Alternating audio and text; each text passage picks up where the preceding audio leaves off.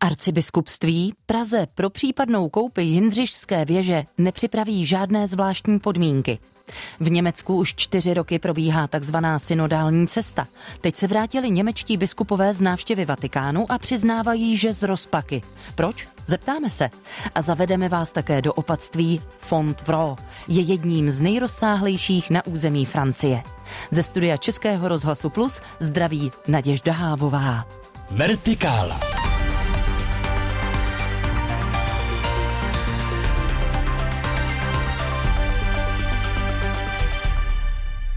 Začneme ale stručným přehledem událostí z uplynulých dnů a ve studiu už je se mnou můj kolega Adam Šindelář. Adame, vítej. Hezký den. Papež František odvolal celé vedení římsko-katolické charitativní organizace Caritas Internationalis a jejím řízením dočasně pověřil správce. Jaké jsou důvody změn?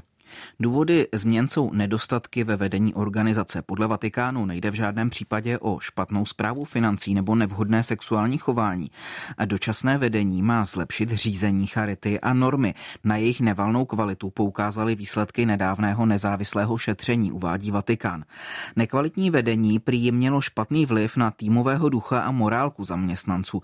Já připomenu, že Caritas Internationalis se sídlem ve Vatikánu je konfederací 162 katolických křesťanských charitativních organizací, které působí ve více než 200 zemích světa.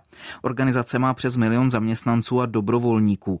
No a současní i bývalí zaměstnanci upozornili agenturu Reuters na případy slovního napadání, znevýhodňování a obecně špatného řízení lidských zdrojů, které vedly některé zaměstnance k odchodu. Vedení Charity tento týden převzal Pier Francesco Pinelli, který má jezuitské vzdělání a zastával vedoucí pozice ve firmách v oblasti energetiky. Ve funkci zůstal zůstane do května příštího roku, kdy si Caritas Internationalis na valném schromáždění zvolí nového předsedu, tajemníka a pokladníka. Další zpráva je z České republiky, konkrétně z Prahy. Pražské arcibiskupství neplánuje, že by Praze jako případnému zájemci o koupi Jindřišské věže připravilo nějaké zvláštní podmínky. Generální vikář Pražské arcidiecéze Jan Balík tento týden po jednání s městem řekl, že církev musí jednat jako řádný hospodář a majetek, který je pro ně ekonomický ekonomicky nevýhodný, musí prodat co nejlépe. Věž podle něj vyžaduje na opravách investici 20 až 30 milionů korun. Pro církev by to bylo v tuhle chvíli chyba, protože i kdybychom sehnali grant, většinu bychom museli dát z vlastního, míní vikář. Zástupci arcibiskupství se ve středu sešli s pražským radním pro majetek Janem Chabrem a starostkou Prahy 1 Terezí Radoměřskou, oba za TOP 09. Podle Chabra by do konce roku měli vědět, jestli město bude podávat nabídku. Rozhodnutí o samotném odkupu pak bude na zastupitelstvu, případně nové radě města, pokud už bude zvolena. My to pochopitelně budeme ve vertikále dál mapovat. Teď se ale podíváme na jednu zajímavost. Italská řádová sestra Kristýna Skučaová, známá jako zpíva zpívající jeptiška, už minulou neděli oznámila, že řád Voršilek opouští.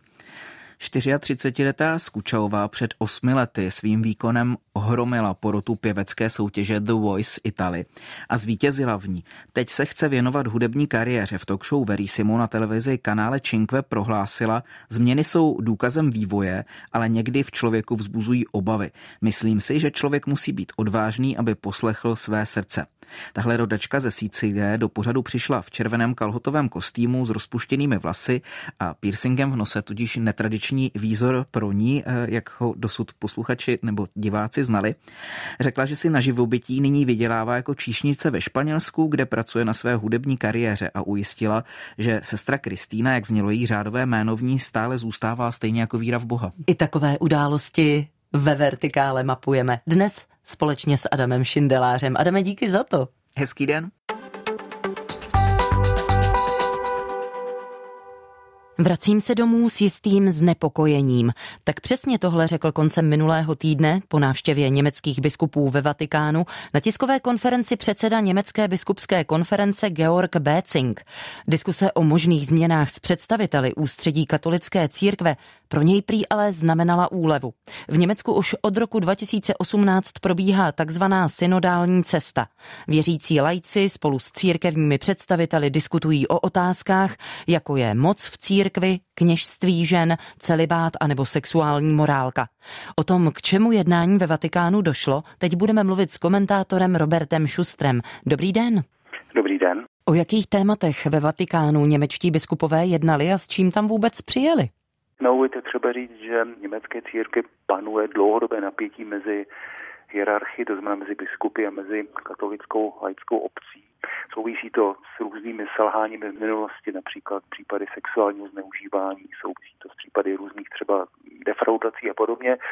A církev v Německu se snažila tuhle tu nedůvěru vzájemnou vlastně odbourat s tím, že nastartovala dialog, takzvanou synodální cestu, kde ovšem vlastně ti lajci formulovali relativně ostré a tvrdé požadavky na změny církvi. Například ordinace žen, například možnost, aby se lajci podíleli na výběru biskupů, případně jiný pohled na sexuální morálku. A to jsou všechno témata, která nemůže žádná národní církev ani německá vyřešit. To prostě už se dotýká věroučních otázek, dotýká se to prostě celé církve. A toto byla ta hlavní témata, o nichž němečtí biskupové právě v tom Vatikánu jednali.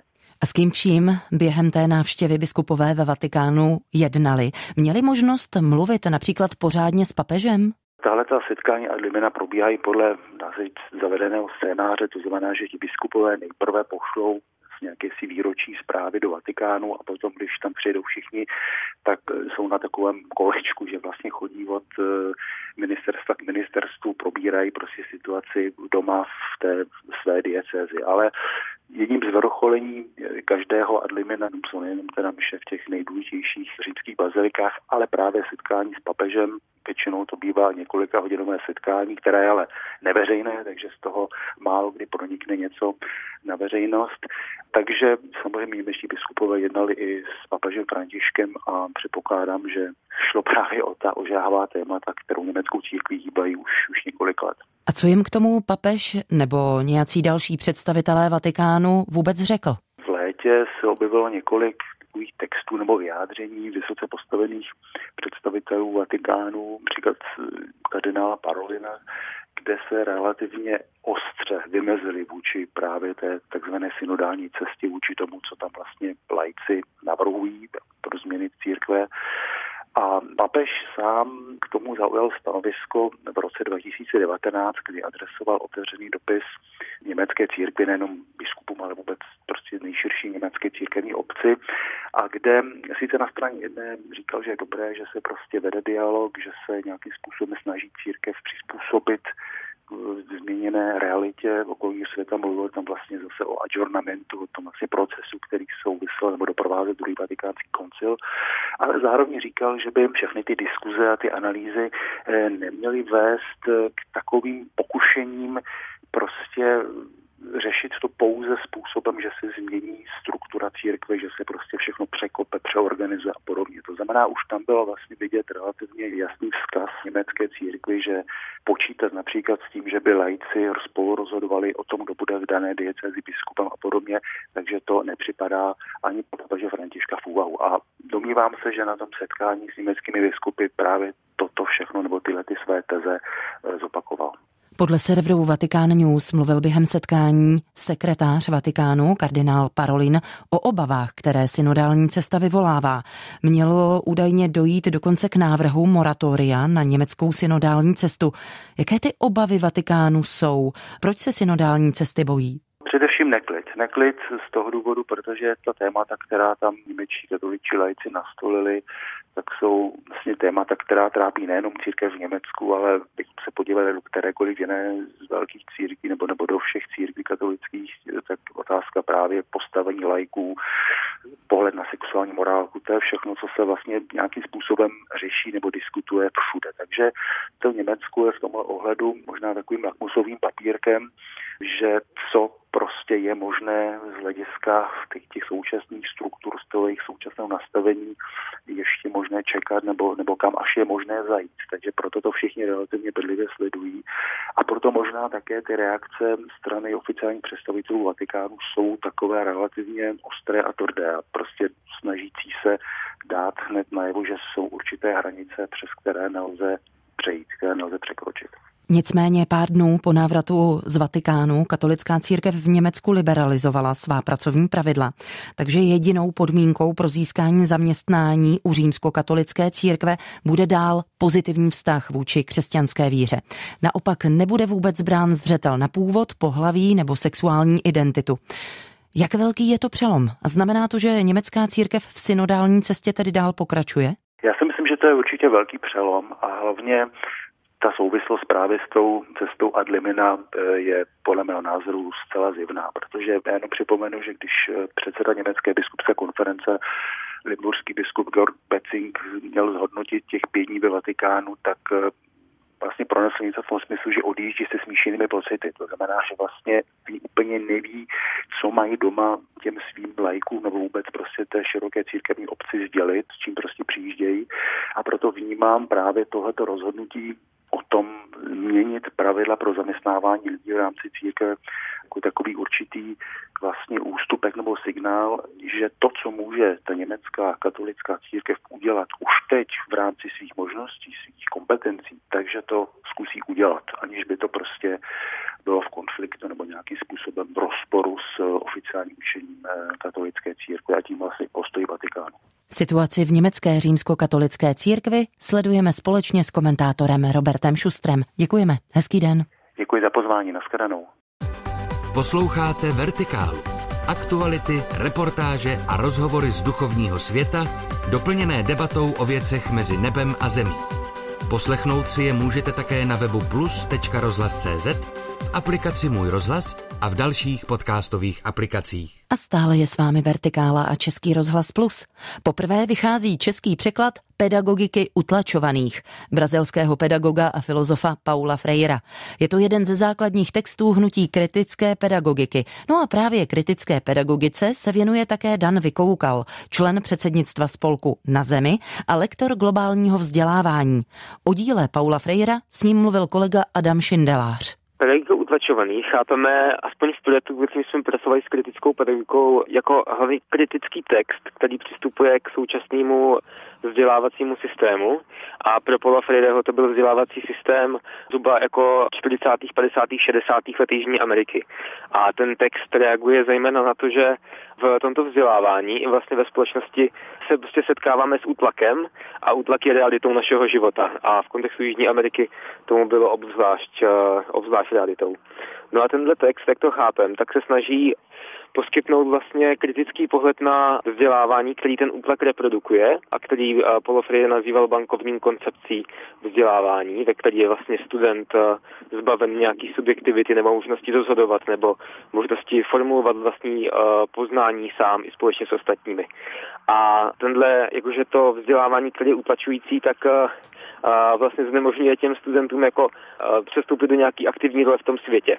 A zároveň ten jako útlak a i způsob jeho překonávání popisoval Paulo Freire v té knížce jako nějakou možnou cestu, jak vlastně se z toho útlaku dostat společně s ostatními a jak vlastně nereprodukovat ty vzorce toho útlaku dál, což je jednou z pastí právě těch kritických přístupů kterých se nějak jako vzorce útlaku nějakým způsobem reprodukují. Tak smyslem té kritické pedagogiky a pedagogiky utlačovaných je vlastně překonávat tady ten nějaký vnitřní útlak, tak aby vlastně už nebyl potom rozdíl mezi utlačovatelem a utlačovaným a v případě té pedagogiky, tak aby prostě nebyl rozdíl mezi úplně jako učitelem a studentem, ale aby všichni byli součástí dialogu a součástí učení a nějaký jako formulování toho světa.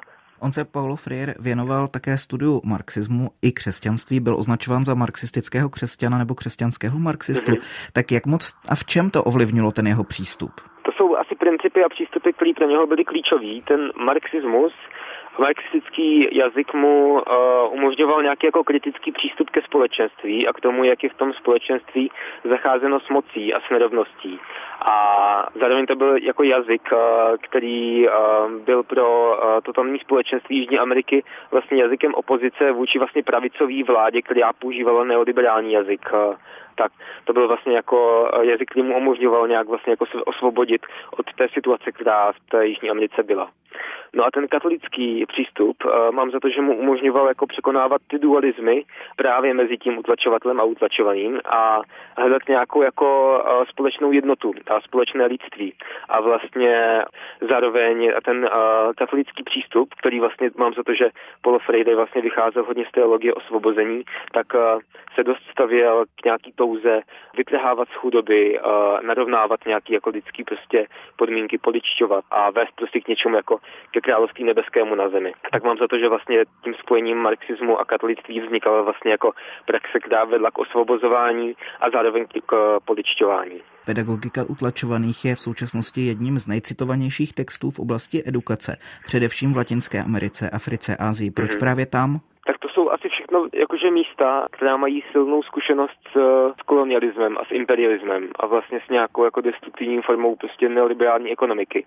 A to jsou všechno věci, které Poloseje vlastně nějak jako skritizoval vlastně skrz ty své texty a skrz svoji práci a kterou vlastně kritická pedagogika, která se vlastně dozví, tak pomáhá vlastně tady z těchto věcí, z těchto jako přístupů se nějak jako dostat a poličtit a vlastně osvobodit od, od těch izmů. A tím, že ta pedagogika utlačovaných vlastně eh, pomáhá vlastně formulovat hlavně tu eh, realitu pro ty utlačené, tak eh, mám za to, že vlastně v zemích, kde momentálně jako zažíváme útlak a který vlastně momentálně zažije útlak, tak tam vlastně jako ta kniha jako nejvíce rezonuje. Tak se vlastně trochu nedivím, že, nebo trochu mi to vysvětluje, proč to vlastně může být v těch zemích, které jste říkal, jako Latinská Amerika, Afrika, a země Ázie.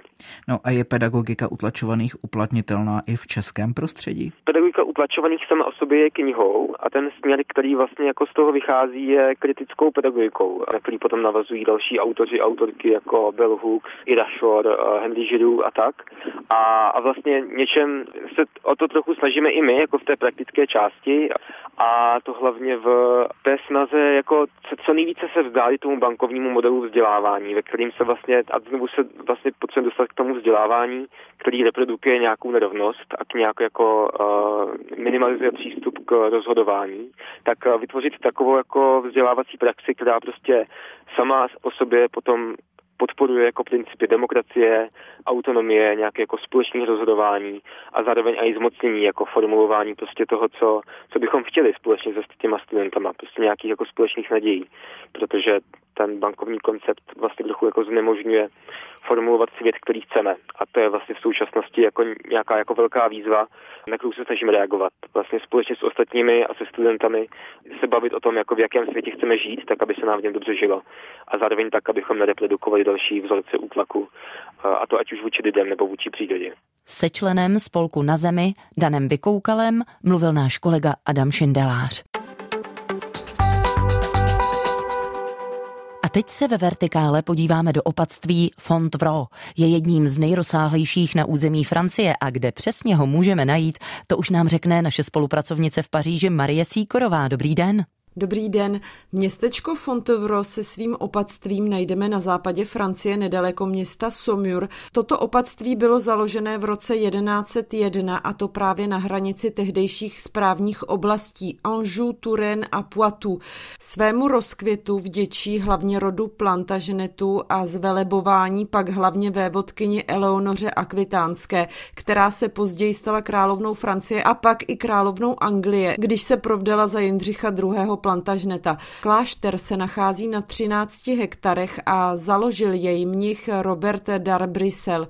A v té době ho napadla zcela revoluční myšlenka a sice, že klášter bude pro muže i pro ženy a navíc jej povede abatyše. Na tu dobu to bylo poměrně něco nevýdaného. Opatství má ale i svou tak trochu stinou historii, totiž po francouzské revoluci, kdy byli mniši a jeptišky vyhnáni, tak Napoleon Bonaparte rozhodl o tom, že z opatství udělá vězení a umístil do něj odsouzené za nejhorší zločiny. Tomuto účelu sloužilo opatství až do roku 1963. Tento klášter je i pohřebištěm panovníků, kteří to jsou? Je to pravda, když se vrátíme zpět do středověku, tak je to zmíněná Eleonora Akvitánská, která je v opatském kostele pohřbena a na náhrobku má svou sochu, jak drží knihu. Není to ale jen ona, ve Fontevroy jsou pohřbeni i její manžel, anglický král Jindřich II. Plantažnet, ten leží po jejím boku a pak je tam pohřbený i její syn Richard Lví srdce, který se stal také anglickým králem. Eleonora je ale všechny přežila, když se totiž dožila nejspíš až 90 let. Fontevro je nejrozsáhlejším středověkým opatstvím v Evropě pro své jedinečné architektonické skvosty, třeba románskou kuchyni nebo ten zmíněný kostel, ale i další budovy, tak se dostal na listinu světového dědictví a ochranu UNESCO. V opatství se ale zaměřují i na výstavy. Marie, představte tu, kterou právě v současnosti nabízejí. Ano, tato současná výstava, ač se tedy nemusí jednat o spirituální základ výstav, které se pořádají ve Fontevro, tak tato výstava se týká stvárnění a zdobnosti ornátů. Expozice, která je součástí podzimní sezóny, se podle kurátorky Anny Leischer týká posvátnosti a módy těchto liturgických hábitů a oblečení. Podstatou je ukázat funkci tedy účelnost, zdobnost, ale i vývoj tohoto typu oblečení, jak se třeba na ornátech podepsal styl nebo móda, jak se projevily různé umělecké směry, třeba art deco a to od 30.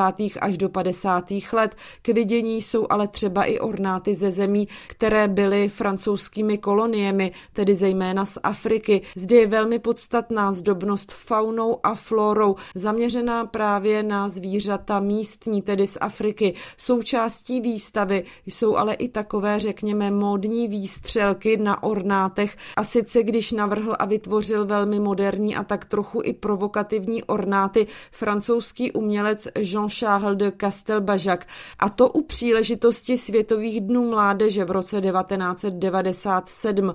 Ornát, na kterém bylo několik barevných pruhů a tvořili ohromnou duhu, tak tyto ornáty byly určené biskupům.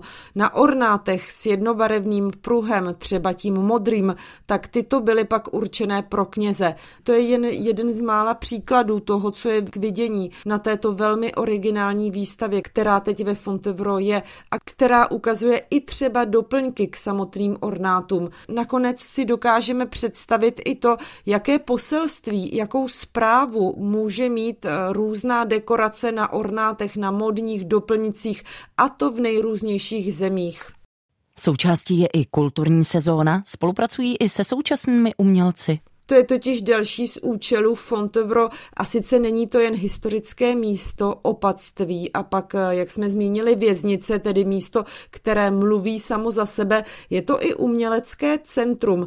Na jednu stranu z galerií, kde jsou dočasné výstavy, to je třeba právě ta z ornáty, pak je to ale i muzeum moderního umění. Jedny z prostorů kláštera jsou totiž od roku 2021 i tímto muzeem a to díky daru sběrat sběratelů a za podpory kraje. Opatství ve Fontevro má tak svou vlastní sbírku, která čítá na 900 artefaktů, které jsou postupně představované veřejnosti. Opatství ve Fontevro je ale navíc i centrem, kde umění vzniká a nejen se tedy vystavuje. Konají se tady totiž i umělecké rezidenci a v minulosti byla jednou z rezidentek i česká umělkyně Tereza Lochmanová. Marie Síkorová pro nás mapuje dění ve Francii. Děkujeme za to, hezký den. Děkuji, naslyšenou.